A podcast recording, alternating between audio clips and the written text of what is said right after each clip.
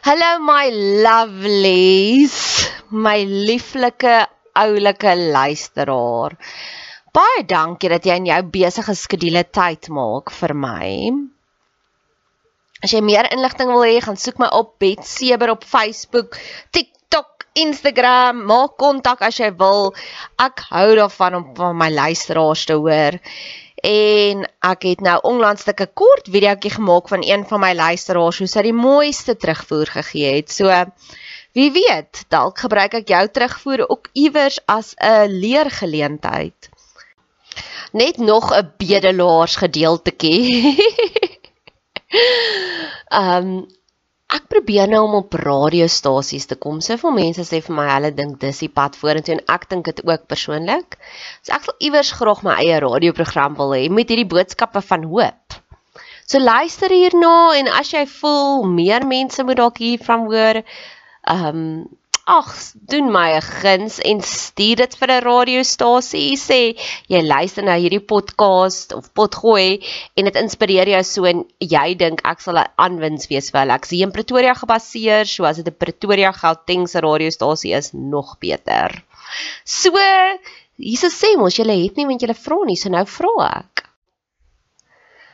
Ek het nog 'n uitnodiging wat ek graag aan jou wil voorlê vir die volgende 15 kommentare wat ek kry. Positiewe, uplifting, persoonlike kommentare. So moenie net sê jy het lekker geluister nie. Sê vir my hierdie gedeelte was wat vir jou aangeraak het. Vir die eerste 15 wat 'n kommentaar lewer, sal ek sal ek met jou kontak maak en ek sal 'n podcast net vir jou maak. Ons kan gesels oor 'n probleem in jou lewe, ons kan gesels oor jou drome, ons kan gesels as jy getuienis het, wat ook al. Ons kan 'n onderhoud voer of ek kan dit 'n podcast opdra na jou toe. Ons kan dit anoniem hou of jy kan jou naam noem net soos wat dit jou pas. Jy is welkom om kommentaar te lewer hier op hierdie podcast kanaal, op ons Instagram, op Facebook, op TikTok, ek's oral. Ek sien uit daarna. So hierdie was amper die grootste, een van die twee grootste lesse wat ek verlede week geleer het. En hierdie is my coping mechanism. So daar sal iets gebeur, dan sal ek weet ek het nie nou tyd of kapasiteit om 'n podcast te kom sit en maak nie dan sal ek vir iemand 'n voice note stuur daaroor, net dat ek dit moet onthou dat ek weer daaroor moet gaan sit en kyk. En dan oor die naweek, dan sit ek en maak al die notas, ek debrief en dan maak ek die podcasts. So verlede jaar het ek hierdie pasiënt gehad wat na my toe gekom het en sy is een van die mees bekendste wellness centers hier in Gauteng. Sy sielkundige. En Ek kan onthou ek het verlede jaar met haar probeer connect want ek weet dit gaan wild met die mense, maar sy was glad net toeganklik nie. En ek het begin skoonmaak en ek was omtrent so 90% klaar. Toe vervies sy haarself verskriklik en sy storm daar uit en sy sê jy maak my te seer, ek sal 'n week later terugkom. 13 maande later kom sy terug. Nou hier is hoe pyn werk. As ek skoonmaak en ek sien jy ervaar so 'n bietjie sensitiwiteit, dan sal ek dit acknowledge. En dan gewoonlik dan die feit dat ek dit acknowledge, sielkundig raak jou pyndrempel hoër. Want my acknowledgement van daai pyn stel endorfines raak, vry in jou liggaam. Endorfines help dat jou pyndrempel verhoog, jy voel raak gesien. En dan alhoewel die ander tande ook sensitief is, voel jy dit nie want jy voel acknowledged. As stap 1 nie werk nie, gaan ek oor na stap 2 toe. As ek sien jy voel weer, dan haal ek dit uit. Dan sê ek vir jou, ek kan sien jy het pyn. Ek is jammer daaroor. Is dit onuithoudbaar? Want dan kan ek vir jou verdoof. Nog nooit het iemand gesê dis onuithoudbaar nie. So ek weet dat pyn is alles it is all in your head dit is alles so daar's soveel maniere om rondom die pyn te loop. Dit is my claim to fame. Ek verdoof niemand vir pyn nie. Ek acknowledge jou, ek pamper jou en jy kan dan meer vat.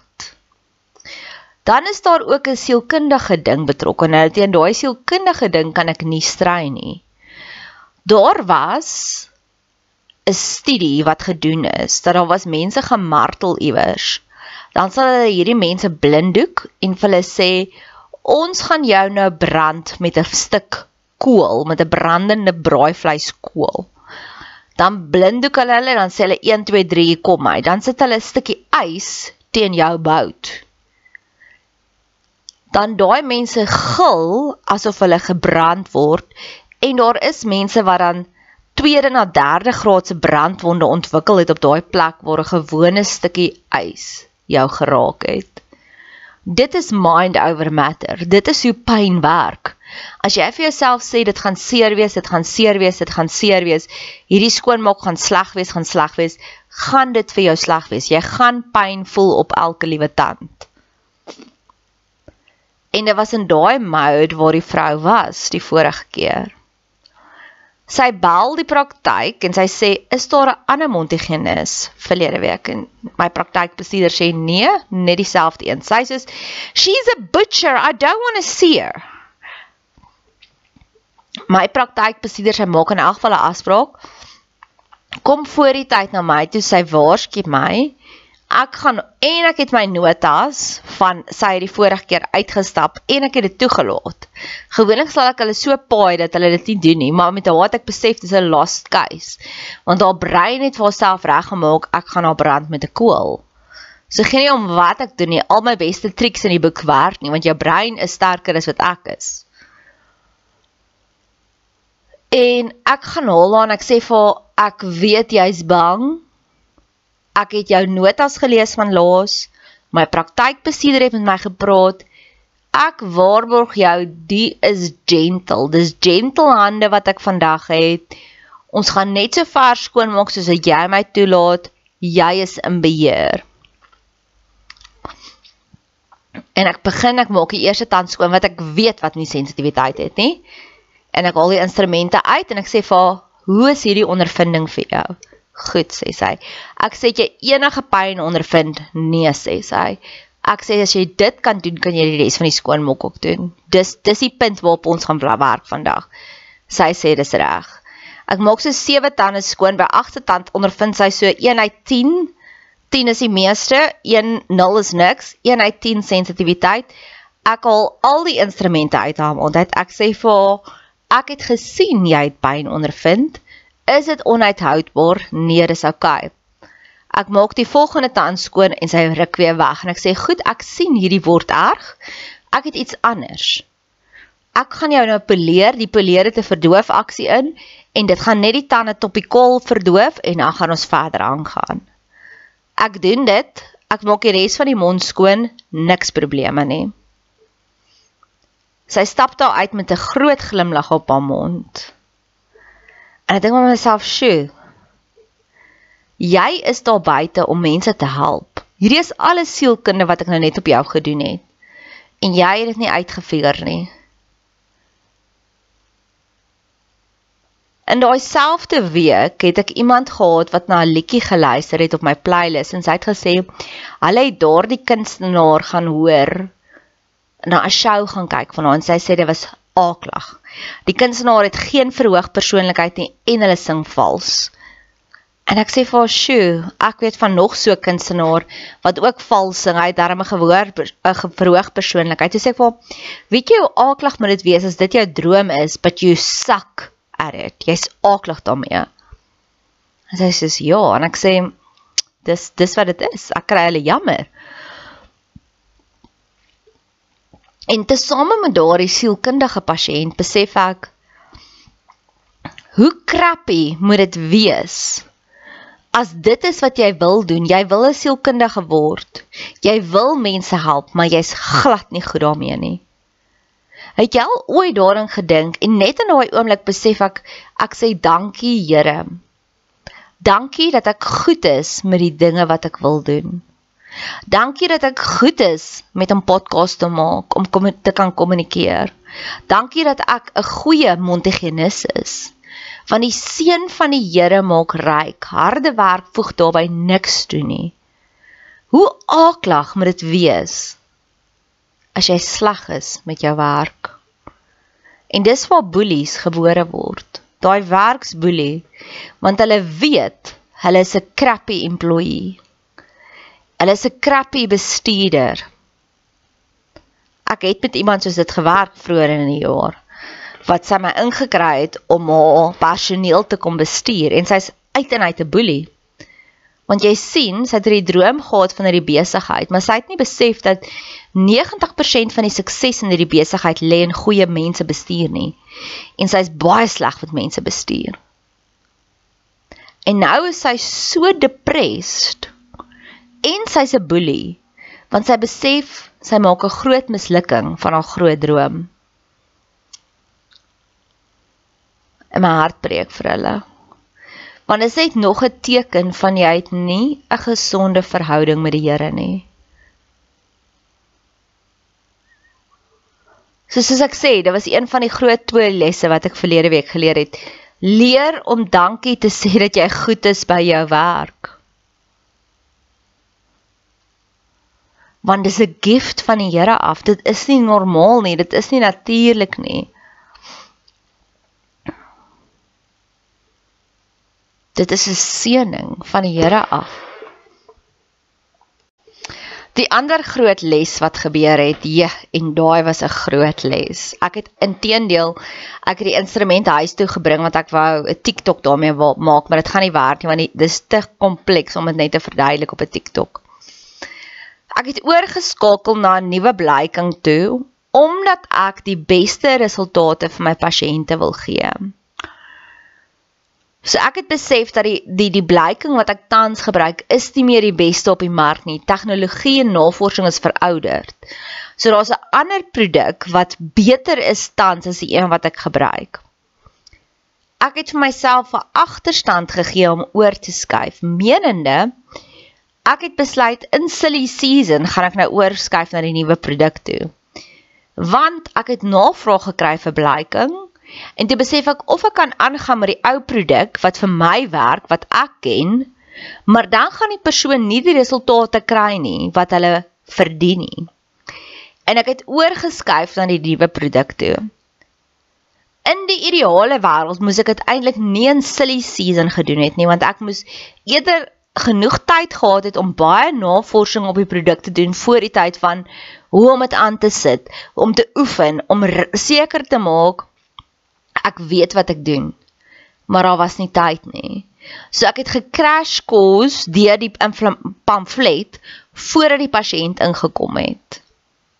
Nou die die blyking produk is nogals kompleks en hy het omtrent 10 verskillende stappe wat jy moet doen voordat jy kan begin met die blyking. Waar die ander een was net maak hom oop, sit hom aan, dan sê dit. En ek het een van die 10 stappies, 'n klein gedeelte het ek uitgemis daar was 'n neutraliseringsproduk wat ek ook moes ingemeng het op 'n en dit was letterlik dis 'n klein liewertjie, alles is syringes, alles inspuiting, maar daar was 'n klein liewertjie wat ek moes gedruk het om daardie aktiverings neutraliseringseffek in te sit. So ek het net die twee aktiewe produkte gemeng en in plaas daarvan die neutraliseringseffek ook in te sit, het ek nie gedoen nie. So na die eerste sessie het ek besef dat die kleur van hierdie produk lyk nie reg nie en ek het dadelik die rep gebel en die rep het nie geantwoord nie. En ek het aangegaan en toe ek die tweede een opsit, toe bel ek al weer, toe antwoord sy weer nie, toe stuur ek vir haar voice en toe sê ek vir hierdie is belangrik, die pasiënt is in my stoel. Hoekom lyk die kleur nie reg nie? Wat doen ek verkeerd? En sy bel my dadelik en sy sê frantically, jy het nie die neutraliseringsagent ingesit nie daai pasiënt kan bietjie meer hoër pynsensitiwiteit kry as wat hulle sou gekry het met daai neutraliseringsaksie. Ek sê wat toe maar, ons het klaar die resultate. Ek gaan dit dadelik afhaal nou en dadelik eerder vir 'n behandeling opsit, 'n baie sterk behandeling om dit te neutraliseer. En sy sê dis 'n baie goeie idee. En ek gaan haal dit af en ek sit dit nou in. Die pasiënt sê ja, sy begin so bietjie sensitiwiteit te voel. En ek sit nou dadelik die, die die soothing gel op en dit kalmeer dan en dit gaan weg. Maar hoekom ek hierdie storie vertel in daai oomblik wat ek besef het dis wat ek aangevang het, het ek hierdie intense skuldgevoelens van jy het nou net vir iemand skade berokken. Dis baie min, dis tydelike skade, dis niks ernstig nie. En ek waarsku ook my pasiënte wat ek ook sê, onthou, hierdie is 'n estetiese prosedure. Jy gaan pyn hê. En 90% van die tyd is ek verkeerd en is dit net dan is dit so cool. En ek dink daaraan.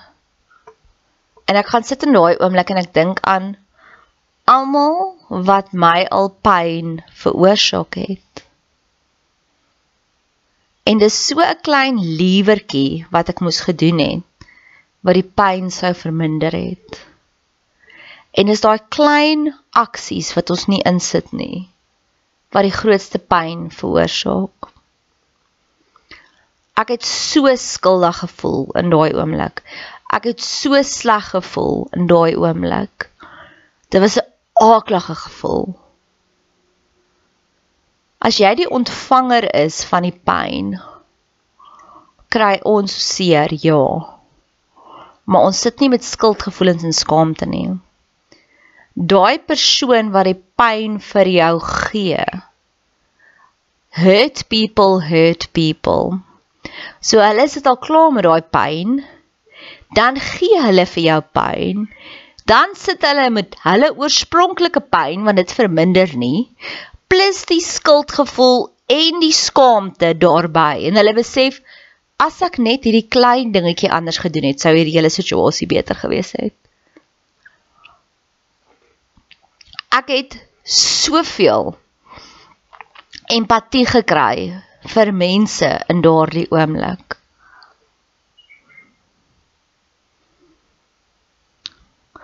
Ek het onmiddellik almal wat hierdie jaar my seer gemaak het in 'n oogwink vir vir 'n vergewe. Want my empatie vir hulle het my eie seer gemaakte gevoelens heeltemal oorskry. Mense weet as hulle verkeerd is. Hulle nam dit op. Ek was in my 20's baie toksies en ek het dit geweet. Maar jy jok ook dan so vir jouself, jy drink dalk 'n bietjie meer wyn of jy gaan dalk na iemand toe wat net nice is met jou want jy het hulle nog nie seer gemaak nie. Maar jou in jou onderbewussyn weet jy jy's nou 'n bitch. Jy weet jy's nou egosentries. En dan dis vir OCDness vandaan kom. Dis hoekom baie mense net nie kan stil sit nie, want hulle weet die oomblik as hulle stil sit, gaan hulle hulle demone moet face, dan bly hulle net so ongelooflik besig. So daai mense weet hulle het jou seer gemaak. Hulle weet dit. Ek het oor die naweek ook weer vir die tweede keer Firefly Line Season 2 gekyk. En in daardie episode is daar hierdie man wat PTSD het. En hy ontken dit vir sy vrou. En hy sê nee, en as hy vir hom sê jy het behandeling nodig, dan sê hy nee, moenie dit vir my sê nie, dan sê hy sommer lelik en aggressief met haar ook. Maar wanneer hy alleen is, dan weet hy hy het PTSD. Hy weet dit, hy weet hy het hulp nodig. En dis waar my jaar begin het met my broer se pa wat my gekonfronteer het en hy was so in denial van daar is niks fout met hom nie. En in daai oomblik wat ek vir daai vrou dit gedoen het, het ek besef hy weet wat hy doen.